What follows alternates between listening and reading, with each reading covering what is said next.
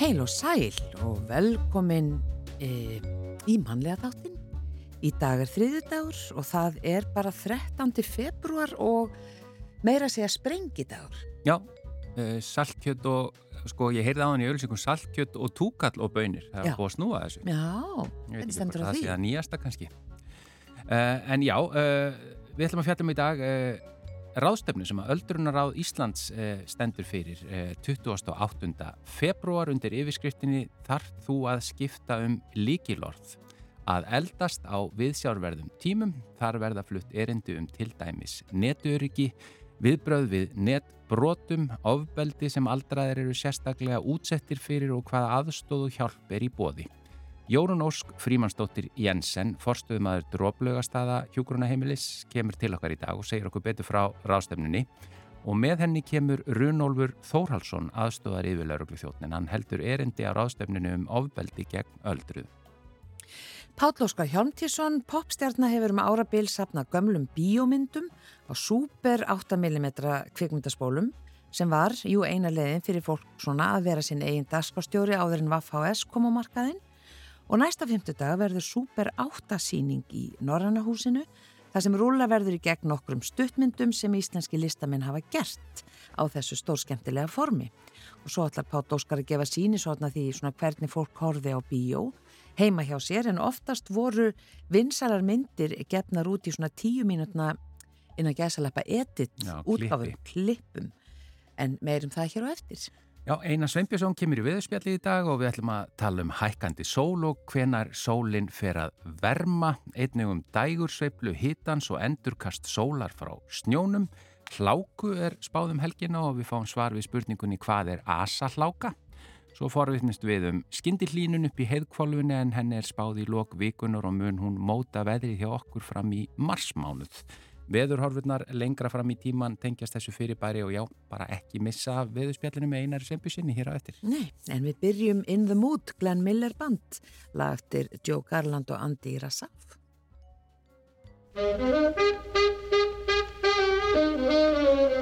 Thank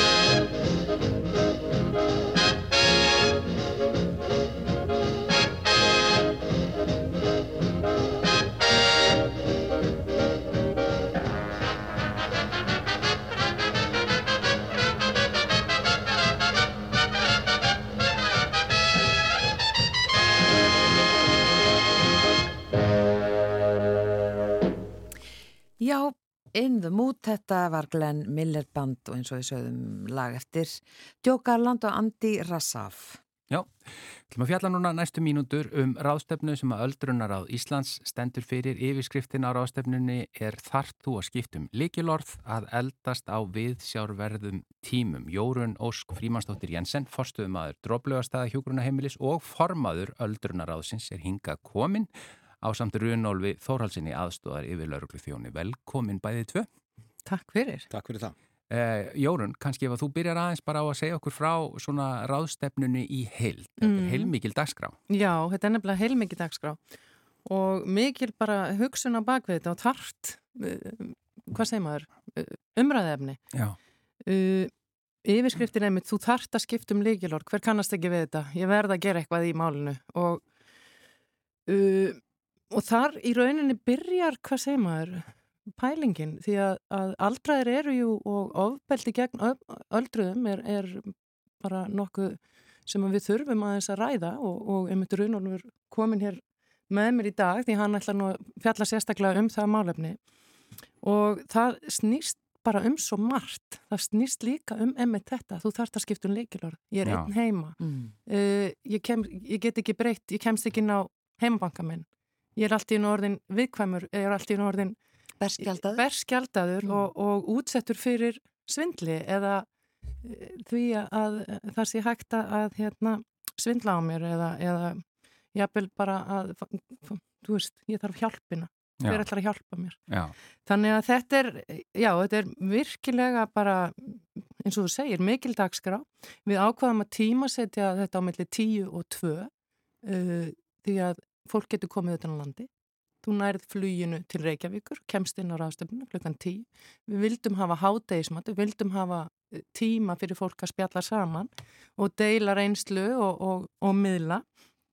Nú ráðstöfnan eins og þú segir, þetta eru mörg erindi við erum að fá hérna sko Jenny frá Bjarkarlíð sem er svona að tala um þjónustuna við þólendur og greiningaskíslana við þetta sem að Raunólfur Þórhalds ætlar að fara yfir og segir okkur hans frá hérna á eftir.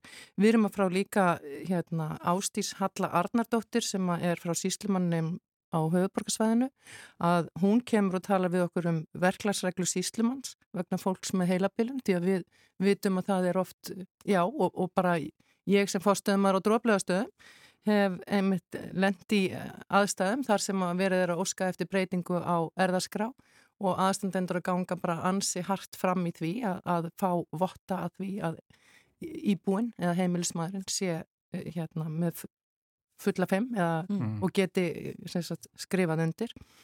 Þannig að það er að mörgu að hyggja. Við ætlum að veita viðurkenningu öldrunar ás Íslands sem við gerum á hverju ári til eh, einstaklings eða eh, það getur verið hópur líka sem að- er að gera vel í málefnum aldrara og, og hérna, auðvitað kemur það bara í ljós og náðstöfnu hvað það verður á þessu sinni.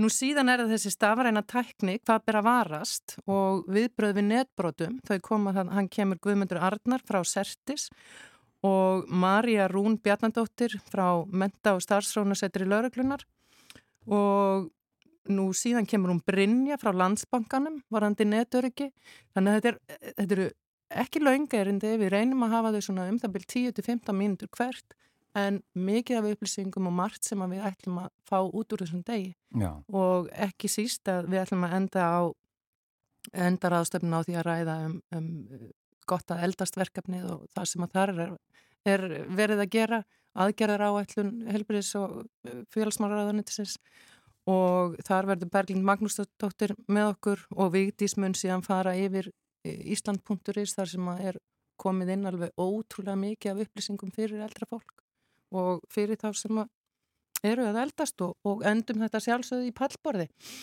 eins og, eins og gefur að skilja á góðri ráðstefnu sko. Já. Hmm. Runólfur, uh, þessi greiningarskísla ríkislörglustjóra um ofbeldi gegn öldrum, þú ert að fara að tala um hana, ekki það? Já, ég verði þarna með erindi. Eh, Þetta er afrakstur eh, í raun og veru margra ára eh, stöfnumótunar hjá lauruglunni. Það var byrjað að fókusera á heimilisofbeldi fyrir mörgum árum eins og, eins og við vitum. Í kjölfóraða því fórum við að skoða fleiri hópa, gerðum eh, skýslur um, um ofbeldi gegn fötluðum og, og svo þessa skýslu sem við gerðum um ofbeldi gegn öldruðum. Uh, fórum yfir hvaða rannsóknir eru fyrirleikjandi bæði hérlendis og erlendis og, og komist að því að það verður meira kannski skortur á rannsóknum, góðum rannsóknum þannig að það var eitt af því sem við bentum á að væri mikilvægt að gera að, að fá uh, þá sérstaklega kannski fræða samfélagi hjá okkur, háskóluna til þess að, að skoða þetta betur. Uh, það hafa verið gerðir skýslur hér á landi sem að veit okkur örlittlega einsýn inn í, inn í þennan vanda en uh, það er okkar mat að, að, að við þurfum að fá uh, skýrari rannsóknir, skýrari gogn til þess að geta átt okkur nákvæmlega á, á þessu vanda. Við uh, erum sammálum það að, að þetta er til staðar, óbeldi gegn öldrunum, það er, er markáttað og, og við skilgjörunum það vitt, ekki þröngt og það er margt þarna sem að þarnast frekari skoðunar á okkar mati. Hvernig er það svona milli, milli landa? Er skilgrinningin á því að vera aldraður eða sem sagt hvar liggja mörkin? Er þau allstaðar eins? Já, þetta er, þetta er náttúrulega bara mjög vel þekkt í, í því sem við erum að vinna þessar skilgrinningar, bæði á ábeldi, skilgrinningar á öldruðum og annað, þannig að það sem er allavega ljóst er það að, að í samfélögum okkar hér að þá er þessi hópur stækandi, ört stækandi og uh, það gagnast held ég best í þessu að, að skilgreina þetta hugtaka ofbeldi vítt þó að, að það geti verið mismunandi eftir menningar heimum hvernig við skilgreinum ofbeldi að, að þá eru við allavega hér svona, með, svona langflest okkar með, með nokkuð góðan skilning á því hvað ofbeldi er og, og hérna, síðan er náttúrulega annað þáttur í þessu er, er þetta mikla svindl sem er í gangi og lörglan hefur verið að vara við og, og þar teljum við að, að, að einn af markhópunum séu aldraðir. Mm. Þetta stafrana ofbeldi. Já, þetta stafrana ofbeldi og, og hérna það, það, þau er í þessu netsvindli, símasvindli og þessu öllu saman að, að þá eru þau viðkvæmur hópur. Eru aldrar skilgrendir 60 pluss eða hvar? Það er, það er svona samkvæmt uh, alþjóða heilbyrðismálastofnunni að, að þá hafa þau í sínum rannsóknum skilkjönd þetta 60. Við náttúrulega erum með ákveðin elli lifiris aldur og, og þannig að þetta er svona örlíti mismunandi eftir, eftir löndum hvernig það er skilkjönd en, mm. en eins og ég segi það er síðan líka náttúrulega ákveðin þróun í því að, að, að svona eftir því sem að lífskeiði aukast að hérna þá hvað er það Já. að vera aldraður? Já, Já Einmitt, sko, hvað er það? Í skýslinni þá er, er kasta fram spurningunni hversu algengt er ofbeldi gegn öldruðum og ég bara kasta henni beint á þig hér. Já, ljómandi gott og, og þetta er eitt af því sem við komumst að þegar við fórum að skoða þetta og við náttúrulega byrjum alltaf á því þegar við byrjum að skoða okkar upplýsingagrunna og uh, við komumst að því að, að það væri mjög líklega uh, lítið, að svona oflítið tilkynnt til öruglu þessi, þessi brot og það helgast nú kannski af af, af þangagangi þessara kynnslóða sem, sem við skilginum núna sem aldraða að, að, að það er svona mm, trekt til að tilkynna til öruglu, vill ekki gera eitthvað vissin og annað, við, við þekkjum þetta og þannig að það var svona það fyrsta sem að sló okkur í þessu að, að okkar upplýsingagrunnar gáf okkur í raun og veru litla mynd, mynd af þessu. Og þess vegna vildum við ekki fara út í ykkur tölfræði, en byrti ykkur tölfræði upplýsingar því að það það gagnast ekki umræðinu þegar tölfræðin segir ekki alla söguna. Mm. og uh, þannig að, að við telljum þetta uh, vangreint og, og, uh, já, og ekki tilkynnt nægilega mikið. Þannig að við kvöttum til þess að, að auka umræðina, auka meðvitund um að, að þetta væri eitthvað sem við þurfum að ræða um koma þessu upp á yfirborði þannig að fá aukna meðvitund um að þetta er vandamál hjá okkur í samfélaginu sem við þurfum að takast á við saman og við höfum aukið efni, til dæmis einn á, á 1.2.is er, er komið mjög góð upplýsinga síða um ofbeldi og hvernig það bregðast við og hvaða leiðir er hægt að fara í því og, og svona það er mitt maður að, að það er svona er að, er að aukast meðvitundin um þetta sem eru jákvægt. Eh, eh, sko, þú ferði auðvitað betur í þetta eh, í þínu erindi á ráðstöfninni en ég bara reyka augun hérna í ósýnileg afbrott. Hva, hvað er átt við með ósýnilegum afbrottum? Já, það er, það er þetta að, að við heyrðum og til dæmis heyrðum að því og komt aldrei í, í, umræðina í fjölmjölum að í, til dæmis í COVID og þá heyrðum við að fólki sem varð mjög einangrað var eitt heima og uh, það uh, getur orðið fyrir því, sem við köllum ósýnlitt ofbeldi að, að þetta svindl uh, það er að sækja sér ákveðna þjónustu og, og það getur verið að í þjónustunni séu ákveðin vandamál sem að, að þarf að skoða frekar eru þau mögulega einn ykkur staðar og útsett á fyrir uh, einhvers konar sveikum, einhvers konar ábeldi mm. En þetta verður betur í á, á rástefni. Rástefnan er 28. februar á Hotel Hilton. Al, nákvæmlega. Þú ert að vona að komi jafnvel fólk utan að, hvaðan að vaða landinu verður, verður henni streymt? Uh, henni verður streymt fyrir þá sem að skrá sig á rástefnuna en skráning er nöðsynleg. Já. Og það er hægt að skrá sig uh, með því að fara í gegnum öldrunaráð.is uh, inn á vefsíðuna okkar þar og eða það er hægt að ringja í bara, það er náttúrulega kannski bara best að segja að fólk er að ringja á dróplegastæði því að Andrea á skrifstofinni þar, hún getur tekið við skráningum líka.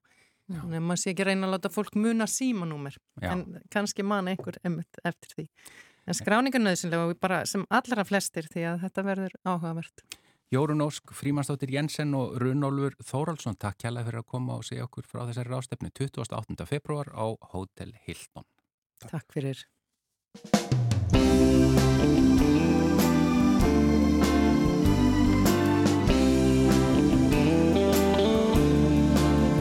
Óvildu hlusta, elsku vittla ljúfa mín. Ljóð ég hveða vilum þig Því mildu brúna ljósinn brúnu þín. Blíð og fögur heitla mig Hugfangin hlýða sæl ég vil á söngin þinn. Syngdu þitt fagra ljúfa lag Þar sem að alla tíð ég unað finn. Í ástar þinnar töfra brag. Bjartar um vonir þínar vaka og þrá Um borsins fagur sem þú gafst hjarta þitt og hand og viltu hlusta elsku litla ljúfan mín? Lóð ég hveða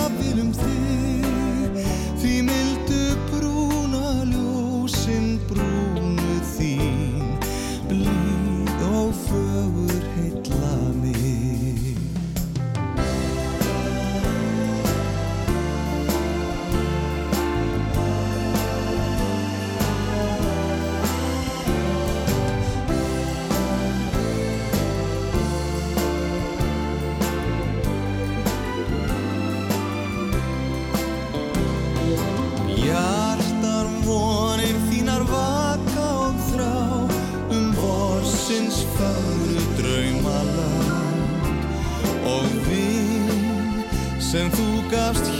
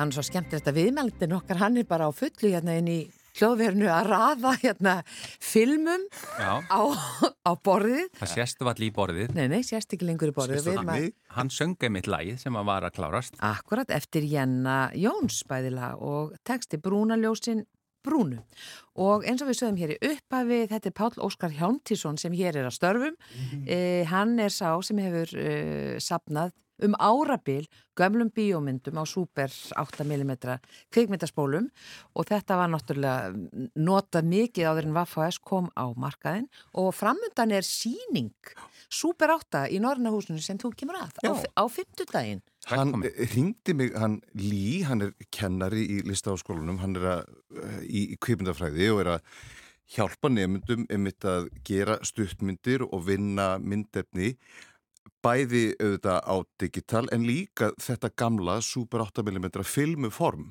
Þetta er margir muna eftir þessu síðan í gamla þetta að þetta er rauninni slætsfilma Mm.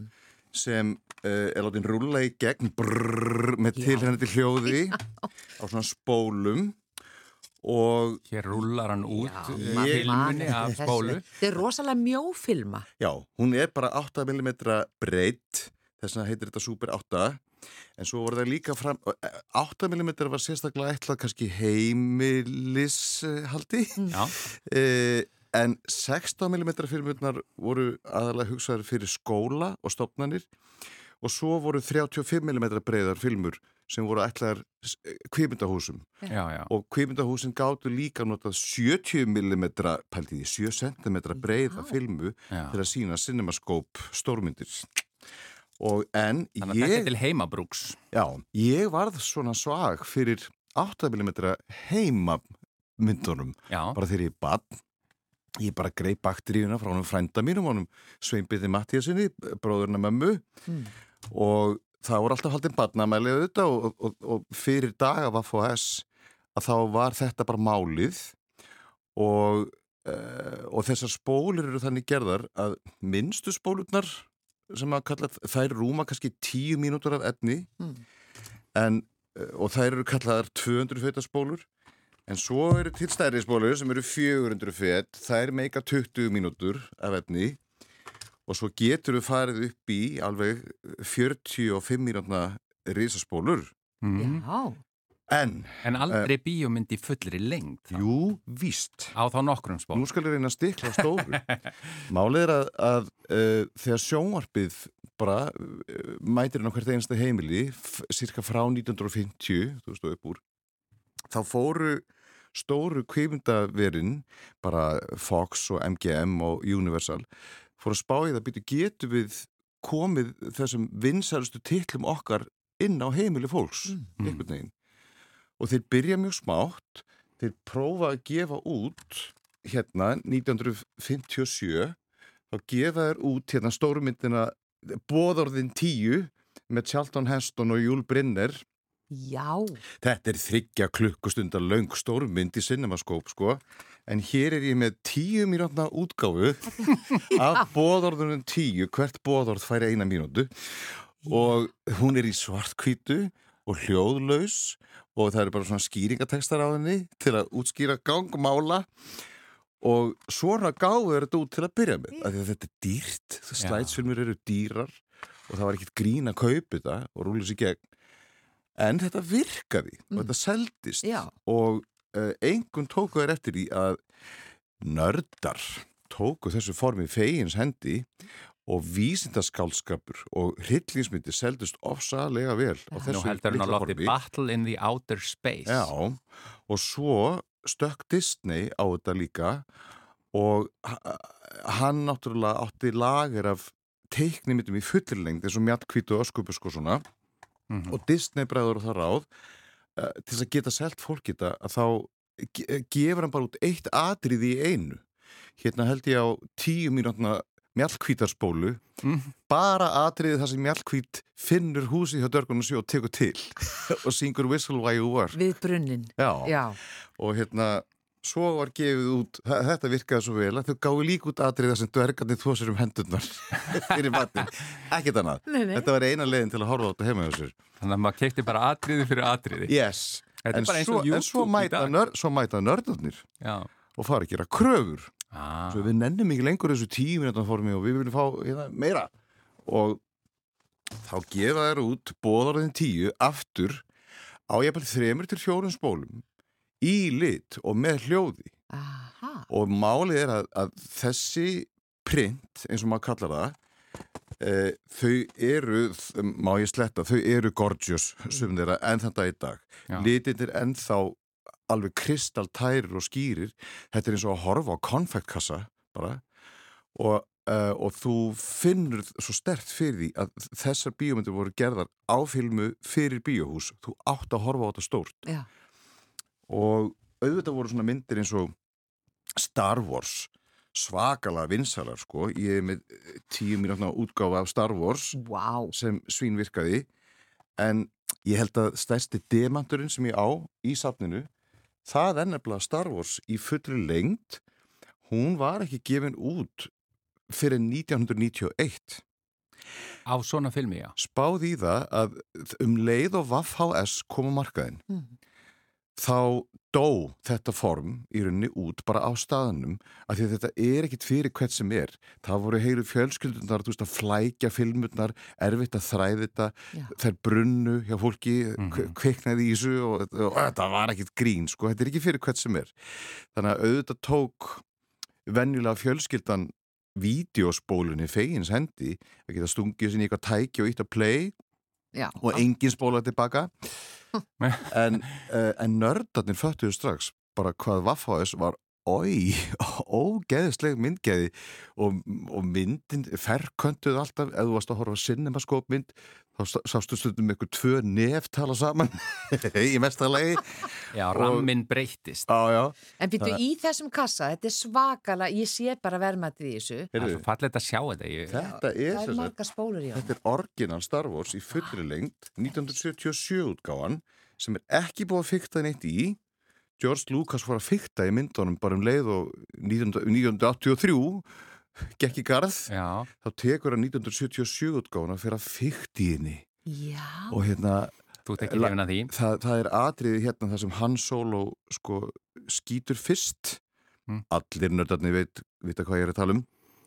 En í hinum útgáfanum þá er þetta látið lúka eins og Han Solo sé að verja sig Ah, hann George var ekki á Lu- undan. George Lucas fór að fykta í þessu þegar hann fattaði að börn fíluðu Star Wars Já. Já. þannig að ég er með orginalin Þetta er uh, bara Og það er upprunalega útgáfan af þessu sem hann kom samt svona seint út þó. Já, þetta var gert í Breitlandi árið 1991 og það var vegna þess að nördarnir vildi ekki sjá Vaffháes Star Wars, þeir vildu sjá Star Wars í cinemaskóp, í litum, í stereohljóði, óklifta, alveg eins og hún var gerð. Mm. Og það var fyrirtæki í London sem hétt Deran, fjölskyldu fyrirtæki, sem kýldi bara á það að gefa út allan að fyrstu þrjár Star Wars myndinari sem maður segir. Þau gaf út allan Disney í lengt uh, og svo svona helstu hittar hana Terminator, Terminator 2, Predator, Alien og Aliens, Sigourney Weaver og hér er ég með Speed með Já. Keanu Reeves. Þannig að þetta fer alveg inn í þetta 90s tímabil sko Já, já, það er, og uh, núna um daginn fekk ég Jurassic Park sko, eitthvað nörd hafði fyrir því að búa til Super 8 útgáfa af Jurassic Park svona hálftíma langa Já. niðurklifta. Og þannig að það er eh, líf sem sagt í þessum bransa innan ákveðina hópa sérstaklega inn á eBay. Já. og það er haldinn þing sko eh, filmu nörda þing.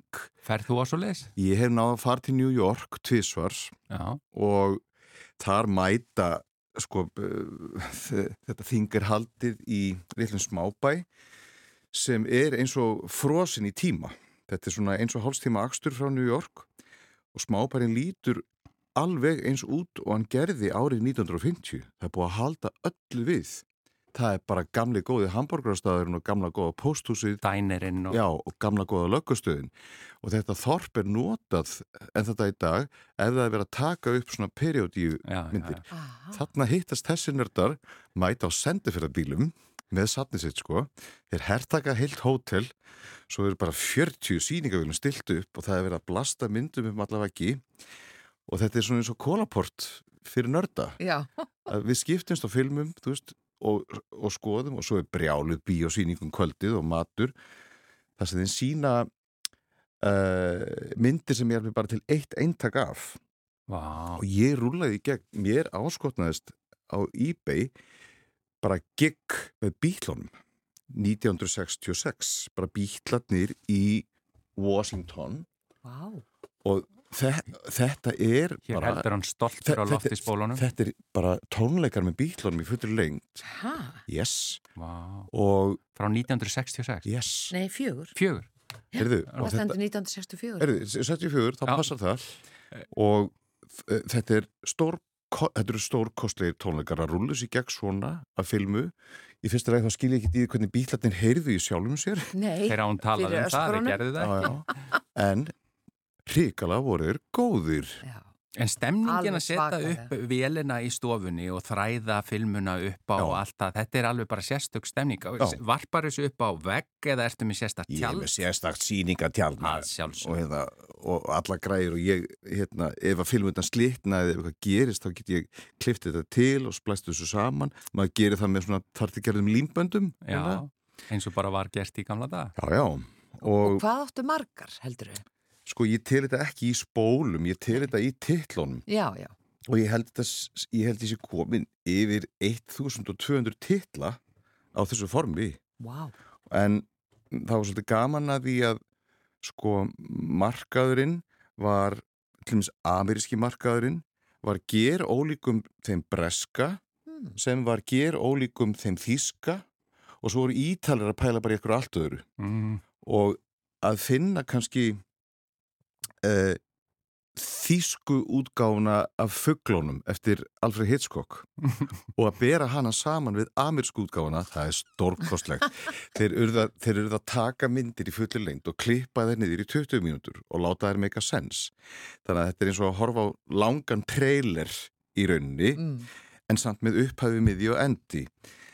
Og uh, Amerikanarnir koma sér bara vennilega beint að efninu í þessum klift útgáfum. Það eru bara öll aðal atriðin sem þú þarft að sjá, allt sem þú manst og hérna og, og veskú. Þjóðverjar aftur á móti þeir verða að vita af hverju hlutir gerast þannig að köttin þeirra eru full af samtölum Það Það er útskýra gang mála minni og svo, kom, svo koma aðalatrið það er búið að klippa þau í spað Já, já. En hvernig er hljóðið í þessum myndum? Eh, Ertu með ekki næra að tengja einhverja almennilega hljóðgræður við sýningavélina eða hvað? Já, hljóðið er sem á segurbandi sem Já. er bara með framfilmunni Já, uh, þetta er sama segurband og var í kassetónum ykkar í gamla daga Já, Já. já. og það er bara svona kassetu segurbands haus sem spila hljóðið mhm, ég get spilað í stereo Mm. ég get sett þetta í analog hátalara svo kallaða og Mhm. búið til heimabíó Mm. og það er nákvæmlega það sem við ætlum að gera í Norrnahúsinu Akkurat, á heyrðu, ég held að þetta verða nú bara eitthvað, e, já, gríðarlega aðsókna því þetta er mjög spennandi, Mm. Ég hlakka til að sjá þessar íslensku stuttmyndir Já. sem ég hef aldrei séð Já, Það eru uh, hérna, íslenski listamenn sem hafa unnið stu, stuttmyndir á þetta form. já. Svo mæti ég í lokin og gefa ykkur smá smakk. Mm. Og þetta er frá hvað? 6 til 8 eða 5 til, Fra, frá 5 til 8. 5 til 8 Já, og þú átt að geta komið hvena sem er. Já, já, ókipis inn og, og Ókeypis allir, get- inn. allir geta droppað við bara og, og fundið fílingin. Já, þetta er æðislegt. Hafa tíma. Páll Óskar Hjálmtísson, þakka þér innilega fyrir og þetta er svo mikið, ég ætla að taka mynda þessu hérna, ég ætla hendin inn á Facebook rásar 1 og, og svo verður kannski gerð fæsla upp úr þessu þannig að fólk sjáu að þetta er svo magnað hérna á borðinu. Magnað, takk fyrir komuna og hér framöndan hjá okkur næst veðurspjall með einari Sveinbjörnsinni.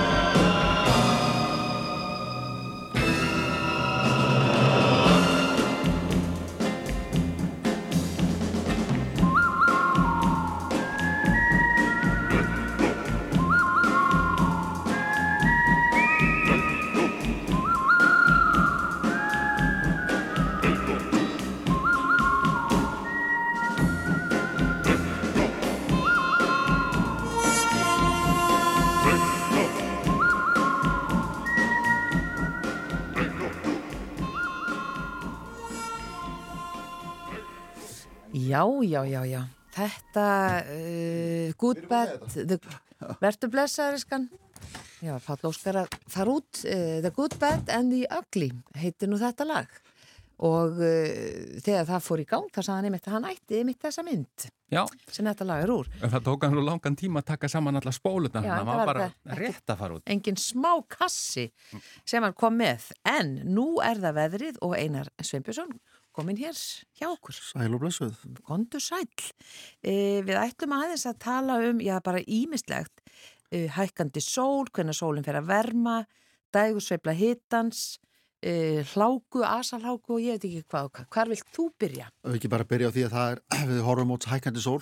Já, Loksins finnum við fyrir því að daginn er tekið að lengja almennilega og, og sólina hækka á lofti. Og svona, sko ég hef mjög vísindarlega skilgrinningu á því hvað er skamdegi sem erum komin út úr núna. Skamdegið er þegar að sólin nær ekki nýju gráða hæð á yfir, yfir í hátteginu. ah, við erum komin yfir það Ég komin yfir það sko. Vegna þess að við nýju gráður þá byrjar hann að hitta. Já. Byrjar hann aðeins að hitta. Einmitt. og búa til dægursveiflu í, í hittan og dægursveifla er munur á milli hæsta og legsta hitta innan sólaringsins Já, já, já, já. Og í Reykjavík að þá er sagt þetta, þetta tímabeil sem við getum kallað skamdegi það er svona frá uh, 10. november og við getum sagt að því hafi lokið svona 3. 4. februar og eftir það þá hækkar sólinn mjög hratt á lofti og nú er, sagt, er sólarhæðin í hádegi, hádeginu að hún er svona 13 gráður 13 gráður 13. februar Já, þetta eru Ah. góð tíðindi. Já, á Akureyri er þetta tímabil aðeins lengra. Þar eru við að tala um að, að skamdegi nái frá svona 3. 4. november og sólin nær nýju gráðum svona í kringum 10. februar. Þannig að við erum nýkomin yfir, yfir þessu mörg. Sko, það er gott, Já. þannig að all landin nánast er, er komin. Já, ég veit ekki með grímsæði, jú, ég held það, sem er svona Já. virst. Já. En þú, þú sagðir að það, hérna, að það myndi hlána. Já, það er útlitt fyrir það að, sem sagt, að eftir þessa köldu februardaga sem Mm. hafa verið alveg bara eiginlega frekka mikið kaldir Mm. að eh, kaldir og sögulegir er að vatni fóra á öllum suðunisum Já, og hérna það er útlitt fyrir það að það náist, náist að koma til landsins hlýra loft hér um helgina eða undir helgi. Og það verið breytingar hérna setjumpartin á fastu dag og, og sérstaklega á lögadag þá hlýnar með söðustanátt og, og regningu sunnalands og þá er það spurningin sko hvort að þetta sé asarláka eða bara venjuleg láka eða ég fylg bara ekki nema spillibloti. Spillibloti. Þá það ekki í hláku. Nei, spillibloti þá bara blotnar í snjónum. Mm og uh, hann kannski sígur að það tekur ekki upp snjó á lálendi. Það er svona spillibloti því að þá, þá hérna fristi á eftir og skeppnurnar búfjörnaðurinn hann komst ekki beitt. Já. Það skakki, sko. er með spilli. Það er með spilli, já. Svo er svona láka og hann líka til svona aumingja láka, ég ætla nú ekki að skilgjörna hana sérstaklega. Það er svona þegar hitin rétt kemst yfir nullið, Slefar yfir það. slefar yfir og gerir ekkit annað en. En uh, asaláka er þá þegar að, að hitin hann ríkur upp og við erum að horfa svona 6-9 stegi hitta á, á lálendi, að minnstakosti í sólaring. Það verður nú helst að komast einhver staðar yfir 10 fyrir norðan Mm. og ná því þann útlitt fyrir að það gerir þá lögadaginn til dæmis á Akureyri eða, eða Söðugrúki, þeim slóðum og og hérna og ekki bara það, heldur þarf þá líka að vera vindur og rigna daldi duglega á Söðurlandi. Já, Þá er þetta orðin asalák og þá tekur snjóin upp og það er því að spáða að nái þessari skilgreiningu á, á lögadaginn, Já. sérstaklega setnipartin á lögadaginn þegar að regnir kannski það því að spáða að regnir kannski 20-30 mm sunnalands og í, í sjöstiga hitta Já. og með 15 til 18 metrum á sekundu og þá er nú líkur til þess að það taki nú upp uh, mest allan snjóin Já. á lálendi en það þarf nú, þetta þarf nú að standa þáldi lengur til þess að verði úr þessu einhver leysing og einhverju vatnavextir og eitthvað slíkt sko. Já. Já, En það er þetta næri því ekki fyrir norðan. Jú, jú, hann er Nú. líka þar, jú, jú, þá ekki rignið þar þá er, þá er þessi, þá er hlýi blásanir settur í gang Já, þetta er eins og horblásari. já, já, og hann fer bara og, og mun, mun hérna snjóra með bráðuna og mun taka upp, Já, en það er svo mikill snjór. það er dálítið mikill snjór, já Við erum að huga niður föllum. Já, það er alltaf, það er klassist í þessu Já, og hérna sérstaklega þessi regnir mikið. En, eh, en eh, hann er nú auðleistur líka þessi snjór, hann er nýlegur fyrir norðan og vestan. En svo er spurning hvað þetta stendur sko, hvort að þetta var í lögadag og eitthvað fram á sunnudag og ég fylg eitthvað lengur. Það er svona, það er svona óvissan í spánni getur við sagt Já. uh, næstu daga. Þannig að hérna og spátnar eru svona, eru taldið óljósar uh, þegar ég er að tala um langtímaspár svona frá með sjönda degi eitthvað svo leiðis Já. En þú talaði líka um, þú sendir okkur, eh, talaði um skyndi hlínun upp í heiðkvolfinu. Já. Er það það sem þú ert að tala um núna, búin að vera að tala um, eða er það annað? Nei, það er annað sko, það er í raun og veru það sem gerir það að verkum að langtímaspátnar eru taldið óvissar Mm. og mörnum finnst kannski nóg um það að ég sé að tala um veðrum næstu helgi að það sé langtímaspá en ég hef nú horfað aðeins lengra reyndar og þetta fyrirbæri sem er skyndi línun upp í heiðkólu er daldið merkilegt sko fyrst verður átt okkur á því hvað er heiðkólu fyrst er veðrakólfið og það nær upp í svona 10-12 km hæða okkar slóðum og svo tekur við heiðkólfið Mm. og þarna á milli er svona ósýnilegt lag getur við sagt og það er voðalega lítið loftskipti á milli veðrakóls og heiðkólsins og til dæmis allur raki í lofthjúpnum hann er í veðrakólunu Mm. en uppi, það er upp í heiðkólfinu sem að, sem að hérna sem að við sjáum til dæmis glitski, glitskiin eru þar Já. og upp í, þá er að tala um uh, hluti sem er að gerast upp í 20-30 km hæð þar sem að er engin rækki og, og máli er það að yfir vetratíman að þá er heilmikið kvirvill, kaldur kvirvill yfir norður hjaranum og hann snýr í kringum sig vinda sem blása frá vestri til austurs og þetta er svo djúb skál, hún verður dýfst um há veturinn og svo grinnist hún og svo hverfur hún á sömurinn. En svo getur það gerst að við ákveðnar aðstæður að, og það gerist alls ekki hverjum vetri og stundum bara einu sinni, það er útlýttir að það gerist í annarsinn á þessum vetri, að það hlínar skyndilega þarna uppi og þá er að vegna þess að það kemur berst varmið að neðan sem að vex með bylgjum og hann sparkar í þessa ringrás og ef að spörkin verða nógu föst af þessu hlýja lofti, þá brottar hann bara saman. Það er útlitt fyrir að það gerist, núna að það gerist í kringu 20. februar og þetta hefur áhrif svo líka niður í veðrakólfi, það er líka ríkjandi vestanátt, vestanvindur sem gengur eftir svona bylgjum hringin í kringum jörðina á norðu hjaranum og þessar vestanbylgjur bera lægðir og óveður til okkar og við þekkjum það að þegar að veru skindilínun að svona viku tíutugum setna að þá brotnar þessi vestanótt líka niður á okkar slóðum. Það hægir á öllu kerfinu. Þannig að lægðirnar fara að hætta að koma. La- lægð- er ég að skilja rétt? Já, læðirnar þær verða vegaminni og þær verða líka sunnar á allansafinu fjær okkur. Og nýjasta langtímaspáinu morgun og hún er að sína hér heilmikla hæð beint suður á landinu í lokmánaðar eins og fram í marsmánuð. Í gæri var þessi sama hæði við Grænlandi og það auðvitað skiptur öllu en aðalatrið er það að langtímaspánar benda til þess að, að það verði svona sem afleðinga af þessari skindilínu og þá verði svona frekar hæglátt veður. Mikið er það gott. Já, ég bara, og, og, og hæð, Góð fyrir góðra tíðinda hér. er ekki í hæð yfirleitt bjartviðri? Já, sko, ef að hæðin er, ef hún staðsettur sig eða verður staðsettur í sunnalandið, Já, þá kemur með henni aðeins mildara loft, ekki endilega rægt, en því fylgja skí, sunnanarhafi sem leggja setni yfir sunnan og vestanverðlandið, Mm. en það verður mjög bjart fyrir norðan og austan. Ef að hæðin er hins vegar nær grænlandi, þá er bjart um sunnan og vestanverðlandi, svona jælleikangu fyrir norðan. en hvað með hitatölur um það bil á? á Já, og það er nefnilega, hitin getur nefnilega að sveiflast frá því að vera tiltölulega lít og yfir það að vera mjög kalt. já, já. en það sem fylgir svona veðurlagi er oftast nær lítil úrkoma þannig að það er ekki og, og litlar breytingar og mikil svona, Mikið þra, staf- svona, þra, staflíka. já, svona þráviðri heitir á íslensku já, Já, já, þráviðri. já, Ef það er eins trjáta í röð. það var að þráviðri nei, nei, það þarf nú að standa lengur Já, já, Já, meðan það er gott, þá má það vera þrátt. já, einmitt, einmitt En vorum við búin að tala um hérna dægursveifla hitans og endurkast sólar frá snjó? Já, það er nefnilega sko þegar að, núna þegar að sólinn er farin að hafa áhrif og við erum með snjó yfir öllu saman að þá nær sólinn ekkert að hýta Mm.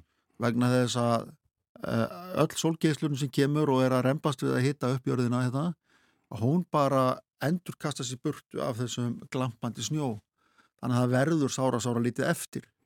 En þar sem að þar sem að við fáum sagt eh, upp úr núna þegar að líður á veturinn og erum komið fram í góðuna og þegar við förum að sjá kantstein eða þög eða, eða grágrítis bjarg út í náttúrunni þá byrjar það að bræða frá sér. Þá drekkur það í sig hittan og Já. bræðir snjóun frá sér. Já, og þetta er vorkoma er svo sein á Ísland nú tekur svo langa tíma því að það er svo mikið snjó og mikið ís sem þarf að bræða. Og því hjálpar svona hjálpar svona hláka mikið sem við fáum á, um næstu helgi nema bara við vitum það að það er svo langt í vorið sko.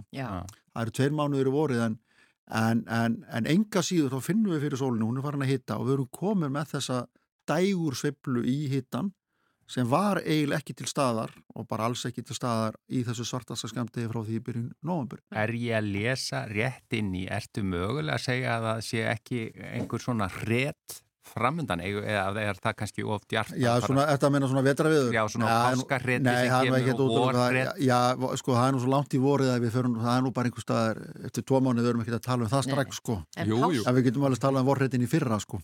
Já, einmitt. Páskarnir eru til dæla, er eru til dæla snemma í ár. Já, Mm. og En það, það er ekkit óalgengt sko eftir að sólinn er farin að hækka á lofti og okkur finnst vera farið að hlýna vegna sólarinnar Mhm. að þá sláum við oft í bakseglin með einhverjum hrettum og þau eru gjarnan við páska.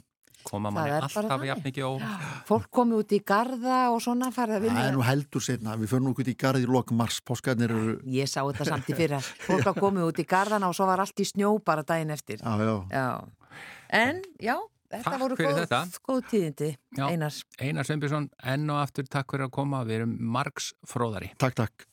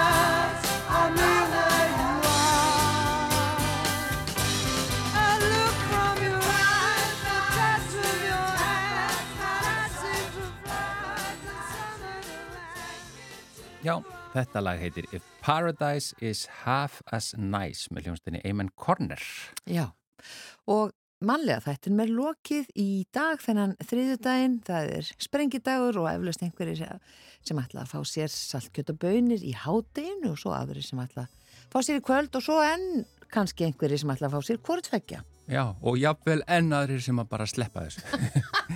já, Já, ég glemdi þeim hópi. já, en við þökkum innilega fyrir samfélgin í dag og venni hér aftur á sama tíma á morgun. Verðið sæl.